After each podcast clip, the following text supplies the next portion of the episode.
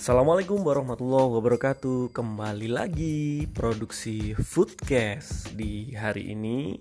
Dan pembahasannya istimewa nih Karena kemarin ini sumbernya dari sebuah konten yang saya posting di Instagram. Dan herannya ini banyak yang kemudian ternyata merasakan hal yang sama dan pembahasan yang ditulis di situ ternyata relevan dan ditemui oleh banyak orang. Judulnya sederhana yaitu omset meroket tapi profit kok tipis. Profitnya sedikit ya. Bagus ya, ada rimanya gitu loh ya. Omset meroket, profit sedikit. Bagaimana hal itu bisa terjadi? E, ternyata ada lima hal yang perlu kita periksa supaya ini omset tetap perlu naik dong kudu naik dong. Tapi secara profit juga bukan sedikit tapi melangit. Apa yang perlu dicek? Ada lima hal yang perlu uh, dicek dari bagaimana kita menjalankan bisnis. Karena bisnis kan tetap aja ya urusannya kan kemudian alat ukurnya indikatornya adalah angka. Maka kita mesti detail dan mesti uh, teliti terkait dengan urusan angka ini yang pertama adalah kita ngomong terkait dengan omset. Cek omsetnya ya.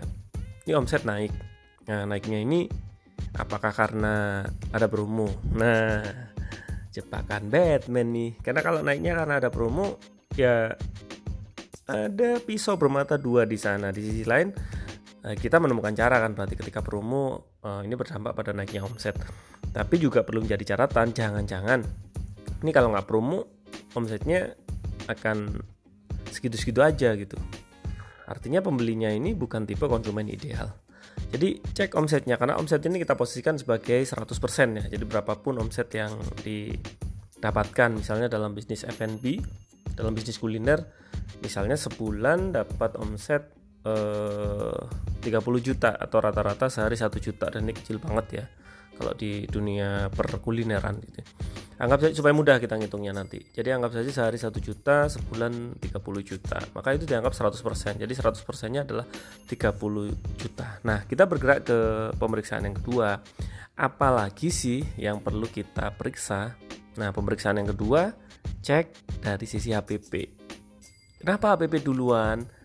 Jadi begini para foodcaster semua ya. HPP ini adalah variabel terbesar loh di dalam sebuah struktur biaya di bisnis kuliner. Ya, berapa sih HPP-nya? Gampangannya begini, kalau kita jual barang harga 10.000 itu untuk menghasilkan barang itu baik bahan baku maupun prosesnya itu habis berapa gitu. Jadi kalau barang 10.000 anggap saja misalnya habisnya adalah 5.000 gitu ya.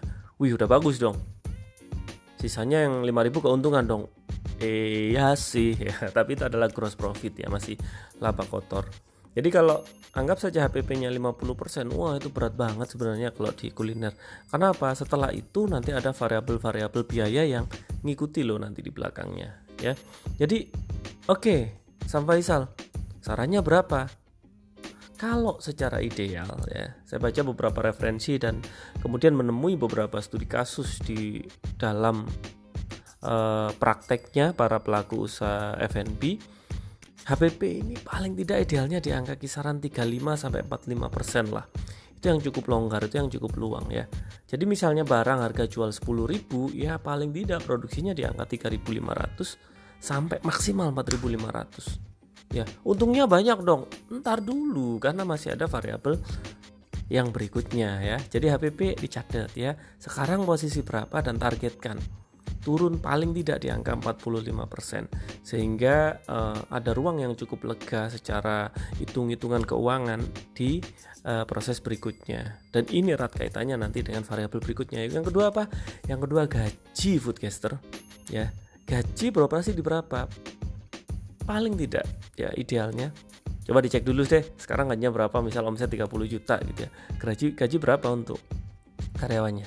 Berapa? 5 juta total 6 juta. Dan ini termasuk gaji si founder loh ya. Foundernya kan ikut kerja. Karena biasa curang di sini founder itu atau owner. Ya mereka nggak ambil gaji tapi nanti langsung ambil di ujung. Ya oh, nggak bisa gede nanti perusahaannya habis melulu uangnya ya. Jadi variabel gaji masuk di sini kalau founder atau owner masih turut bekerja ya sudah digaji juga dari situ ya. Gaji 10% itu adalah cek yang kedua cek yang ketiga adalah bicara mengenai biaya operasional ya operasional apa aja yang umum ini ya, yang umum ya di masing-masing perusahaan bisa berbeda. Yang umum adalah sewa tempat, listrik, air, internet, eh, biaya kebersihan, bensin, pulsa, masuk di sini. Lu mas kan rumah sendiri, kan nggak usah sewa. Ya tetap aja sewa, tapi begini. Jadi seperti bapak ibu sewa pada dirinya sendiri jadi misal itu rumah dinominalkan sewa eh, misalnya sebulan sejuta gitu ya.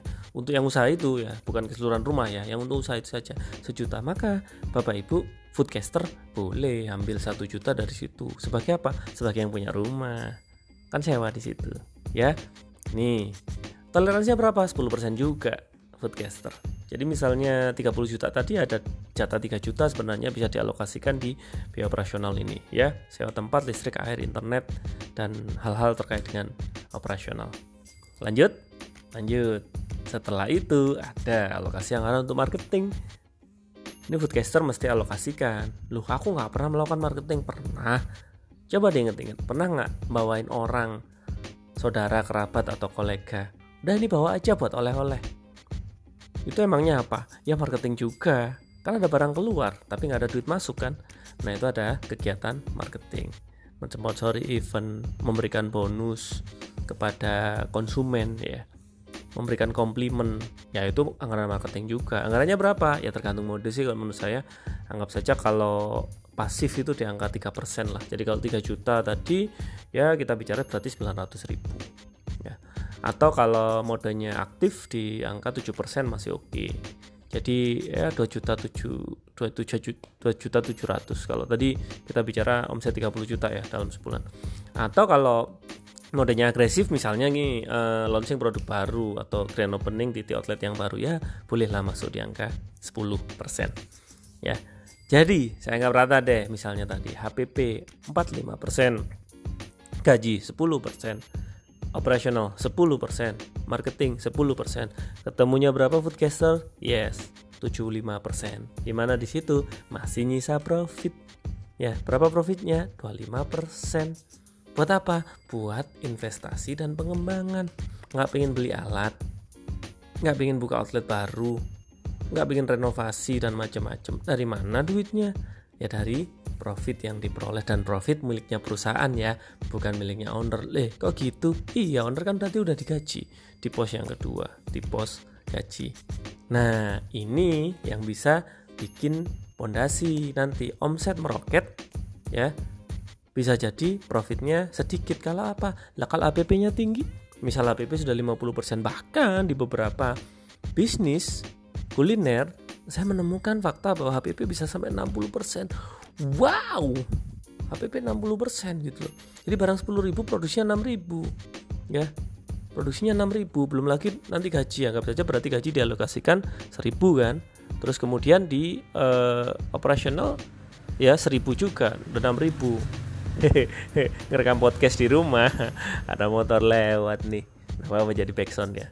Jadi ada HPP 60% 6000 gaji dialokasikan 1000 operasional 1000 7000 udah 8000 marketing 1000 juga 9000 nyisanya 1000 terlalu uh, tipis ya. Jadi makin banyak laku pada prinsipnya cuman makin ribet doang gitu. Jadi jangan sampai omset meroket tapi profit dikit ya. Tapi kalau bisa omset meroket profit selangit ya. Profit melecit caranya apa kontrol variabel yang terbesar ya foodcaster HPP ya kalau biasanya gaji operasional itu ya tipis-tipis ya gajinya over jadi 12% atau 15% operasional biasanya banyak yang hemat gitu ya. Marketing malah kadang-kadang nggak pernah dianggarkan gitu. Jadi hati-hatinya sama HPP nah di foodcast berikutnya saya akan bahas ya. Ini ntar ada motor lewat lagi di podcast berikutnya kita akan bahas mengenai uh, kenapa sih HPP itu bisa jadi tinggi. Jadi uh, stay tune, tetap uh, pantau dan bantu sebarkan ya podcast ini. Terutama untuk para pelaku F&B, bisnis kuliner, terutama para pelaku kuliner online rumahan ya. Per foodcast nggak panjang kok cuma 10 menit. Lumayan kan ya dalam sehari belajar 10 menit ya. Tapi dampaknya bisa hmm, 10 pekan 10 tahun ke depan bisa jadi ya terima kasih saya Faizal Alfa dari PT Fortuna IMAT Trans ya follow juga di Instagram atau di uh, kita ada grup sih namanya adalah marketing channel ya caranya bagaimana pantau terus nanti akan saya pandu bagaimana bisa gabung di sana ya terima kasih Semoga bermanfaat. Salam pertumbuhan. Wassalamualaikum warahmatullahi wabarakatuh.